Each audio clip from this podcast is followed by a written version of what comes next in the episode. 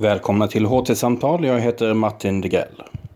I detta avsnitt hör vi ännu en inspelning från årets HT-dagar i Lund. Hur såg medeltidens människor på tidens gång och sin egen plats i historien? Och hur passar kristendomens tankar om advent in i dessa människors syn på världshistoriens skepnad och innebörd? Stefan Borgehammar, professor i praktisk teologi, berättar här om medeltidens bilder av framtiden och världens ände. Tack så mycket. När eh, inbjudan kom att tala om framtiden i 2017 års upplaga av HT-dagarna, då befann vi oss i advent förra året. Och advent är ju kyrkoårets mest framåtblickande tid. Själva namnet betyder ankomst en eh, ankomst som ligger framför oss och som det gäller att förbereda sig för. Samtidigt så är advent en eh, mycket gammal beståndsdel utav kyrkåret. I runda tal 1500 år. I ett och ett halvt årtusende så har alltså kyrkan använt de fyra veckorna före jul till att tala, sjunga och drömma om framtiden en framtid som ska komma. Vad var det då man väntade på? Mer än en sak. Det ska vi strax få se. Men först och främst naturligtvis på julen. Och vid jul firas, som alla vet, minnet av hur Jesus föddes i Betlehem. Men eh, är det bara ett minne? Kan den fyra veckor långa adventstiden vara en tid då man förbereder sig enbart för att komma ihåg något i det förflutna. Det låter ju märkligt och så är det naturligtvis inte heller. Att fira något är inte bara att som individ komma ihåg. Det är att tillsammans med andra återaktualisera det förflutna och göra det på nytt närvarande. Så är det ju redan med profana högtider och jubileer som till exempel Lunds universitets pågående 350-årsjubileum.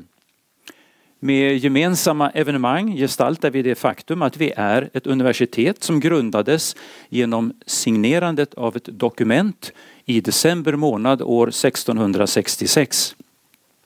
Den förflutna handlingen får en närvarande gemensam och betydelsefull aktualitet. De kyrkliga högtiderna är i ännu högre grad en form av aktualisering. I Sverige är det här särskilt påtagligt vid jul då julkrubbor dyker upp överallt. Med eh, konstens och fantasins hjälp förflyttar vi oss till den där natten i Betlehem för över 2000 år sedan som om den var på nytt närvarande. Och så har man gjort i århundraden. När påven Leo den förste omkring år 450 predikar på juldagen i Rom börjar han sin predikan så här. Mina älskade, idag blev vår frälsare född. Låt oss därför glädja oss. Nu när det är livets födelsedag får ingen sorg finnas. Livet tar bort vår fruktan för döden och ingjuter glädjen i oss ty åt oss har evigheten blivit lovad. Det är en eh, majestätisk inledning som binder samman då, nu och evigheten. Men det är nuet som står i fokus. Idag blev vår frälsare född. Eftersom julen får en så starkt aktualiserande karaktär blir adventstiden en tid då man ivrigt blickar fram emot att få fira Jesu födelse trots att den redan för länge sedan har ägt rum. Det blir en tid av förberedelser för något som kommer. På medeltiden var det en period av fasta då man avstod ifrån kött och diverse nöjen för att bereda sig till ett rätt firande av julens glada högtid. Men nu ska vi lägga märke till att denna förberedelse hade en dubbel aspekt minst. Inte bara en individuell utan också en kollektiv. I adventsfirandet finns nämligen ett slags kollektivt minne inbyggt som kom till uttryck i gudstjänstens sånger och texter. Detta kollektiva minne har sin grund i själva den kristna historiesynen och den måste vi nu stanna upp inför. Den kristna historiesynen är i huvudsak linjär. Tiden löper från en början eh, till ett slut utan upprepningar. Men den kan indelas i epoker och den tydligaste epokdelaren i mitten så att säga är Jesu födelse. Hade kristendomen varit en naturreligion hade Jesu födelse kunnat vara en mytisk berättelse, en tidlös saga som fungerade som en uttolkning av årets nyfödelse vid vintersolståndet. Men så är det inte. Jesu födelse firas som en historisk händelse som har inträffat på en viss tid och en viss plats och som ihågkoms mitt i vintern varje år. Inte för att den förknippas med årets cykliska förlopp utan för att dess betydelse i världshistoriens linjära förlopp är så stark att den kan liknas vid årets vändpunkt. Varför är då Jesu födelse en så tydlig vattendelare? Enkelt uttryckt för att Gud som tidigare var fjärran och oåtkomlig genom denna händelse kom nära och blev möjlig att beröra. Och inte bara det. Denna händelse innebär att människans relation till Gud förändras på ett ontologiskt plan. Med det menas alltså ett reellt plan, inte ett enbart känslomässigt. Innan Jesus föds består människans relation till Gud ontologiskt sett i att hon är skapad av Gud. Men när Jesus föds inkarneras Gud. Eh, det betyder enligt en av de kristna trosbekännelserna, den atanasianska, inte att den gudomliga naturen förvandlats till mänsklig, utan att den mänskliga naturen antagits av Gud. Jesus är alltså enligt kristen tro både Gud och människa, en person i två naturer. Därmed är den mänskliga naturen inte längre bara skapad av Gud utan förenad med Gud. Hilarius, som var en biskop i Poitiers i Frankrike på 300-talet, har uttryckt saken på det här viset. Han förenade vårt kötts natur oupplösligt med sig själv när han föddes som människa och har sammanfört sitt kötts natur med gudomens eviga natur i det sakrament under vilket han låter oss få del av sitt kött. Och med det menar Hilarius då nattvarden. Utifrån en sådan tro måste Jesu födelse i Betlehem betraktas som historiens mittpunkt.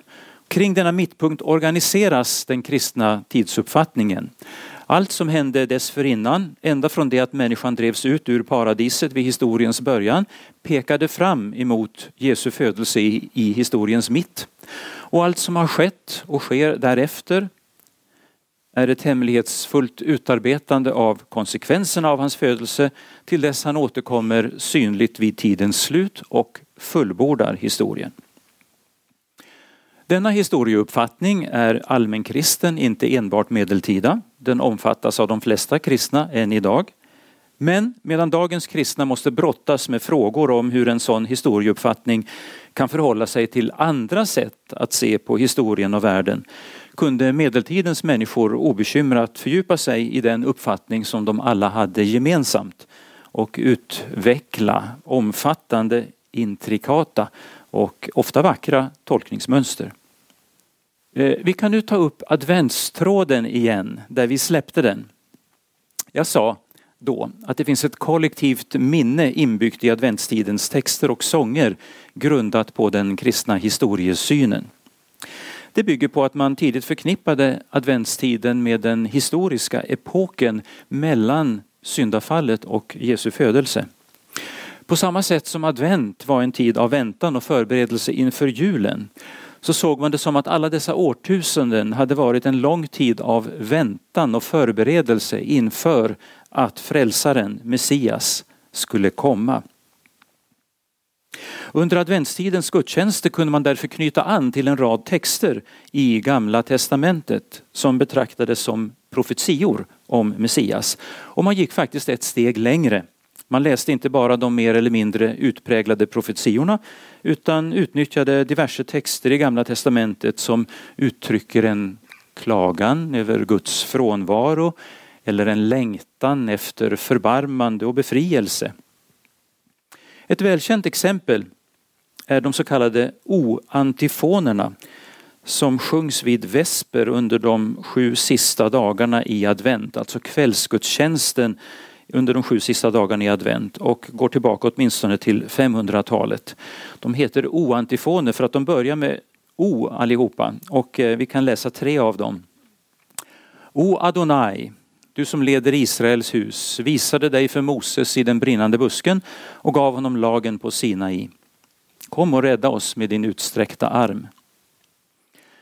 O morgonstjärna, du det eviga ljusets glans och rättfärdighetens sol. Kom och upplys dem som bor i mörker och i dödens skugga. O Emanuel, vår kung och laggivare, folkens hopp och frälsare. Kom och fräls oss, Herre vår Gud. Och det vi kan lägga märke till här det är ju hur adventsfirarna identifierar sig med Israels och hela världens belägenhet innan Guds ankomst till världen i det lilla barnets gestalt. Det är verkligen ett slags kollektivt minne gestaltat och upprätthållet i den gemensamma gudstjänsten. Vi är dem, de är vi. Den framtid de längtade efter och trodde skulle komma, den har visserligen redan kommit, men adventstiden blir ett rituellt återupplevande av hur de liksom sträckte sig efter det som skulle komma. Men vad har då ett sådant rituellt upprepande för syfte? Om allting hade varit klart i och med att Jesus föddes, om världen nu hade varit reparerad och gudsrelationen återställd, då skulle ju en återupplevd väntan på denna födelse i bästa fall ha varit en eh, nostalgitripp. I värsta fall kanske blasfemisk. Men så är det ju inte riktigt heller. I kristen tro så är den här perioden mellan Jesu födelse i historiens mitt, hans första ankomst i ringhet som man brukar säga, och hans andra ankomst i härlighet när han ska återvända vid tidens slut. Det är en period utav redan nu, men ännu inte. Världen är i grunden förändrad, men det syns ännu inte. Den ontologiska föreningen med Gud som Hilarius av Poitiers talade om måste förverkligas hos varje enskild människa med hjälp av sakramenten, med hjälp av bön, undervisning och ansträngning. Och det sker inte i ett nu utan gradvis. Det här uttrycks ofta i medeltida källor som att Jesus måste födas andligen i varje människa och ta form i hennes inre. Och det ger oss en nyckel till en viktig del av vad adventsfirandet under medeltiden gick ut på.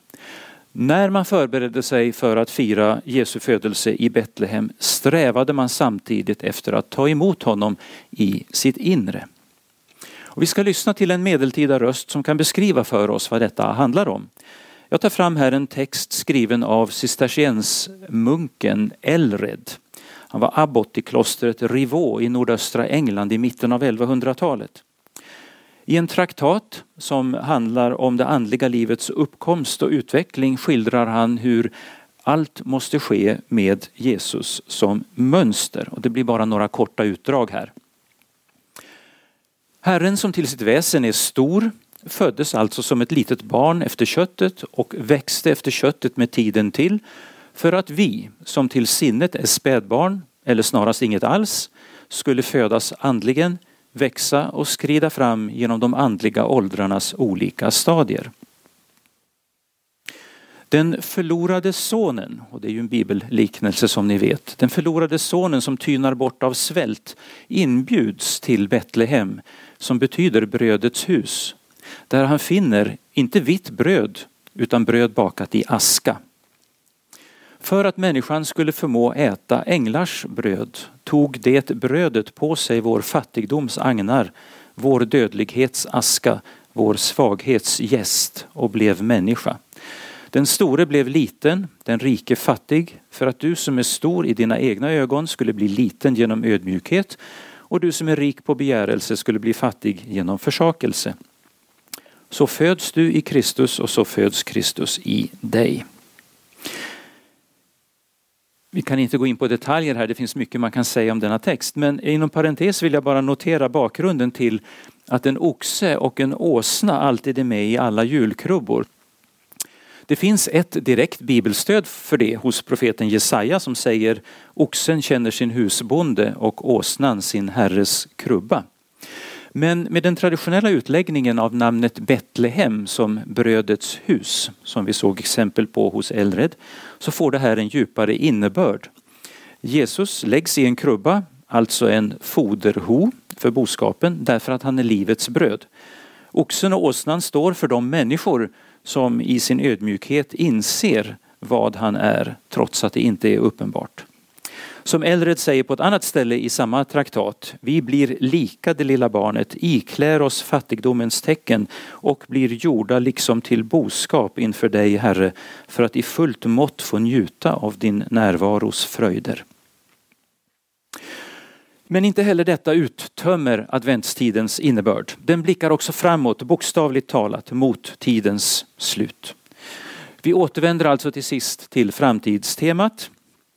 Och nu handlar det inte om en rituellt gestaltad förfluten framtid utan om det som överhuvudtaget ännu inte har skett. På den andra söndagen i advent läste man i mässan en evangelietext om tidens slut. Och den finns fortfarande kvar på samma dag i många kyrkor. Det är en profetia som Jesus uttalar i Lukas evangeliet. Han säger att tecken ska visa sig i solen och månen och stjärnorna. Och på jorden ska hedningarna gripas av ångest och rådlöshet vid havets och vågornas dån. Människor ska förgås av skräck i väntan på vad som ska komma över världen. Ty himlens makter ska skakas. Då ska man få se Människosonen komma på ett moln med makt och stor härlighet.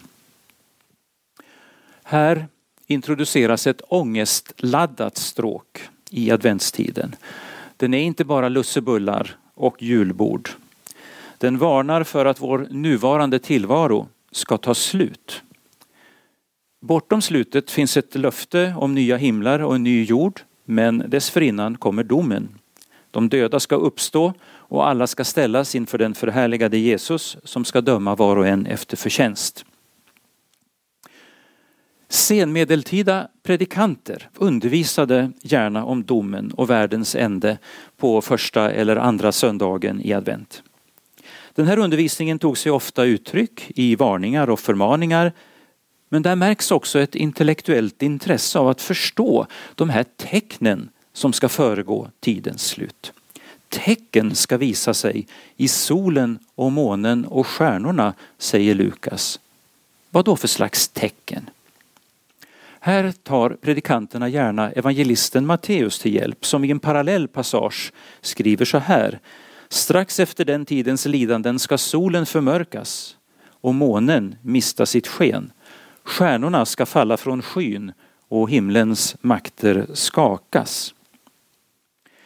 En predikant som har ansträngt sig att reda ut innebörden i dessa ord är Jordanus från staden Kvedlinburg i Tyskland. Han levde på 1300-talet och han tillhörde Augustin-eremiternas order, orden, förlåt, eh, samma orden som Martin Luther senare gick in i för att nu anknyta till ett annat jubileum.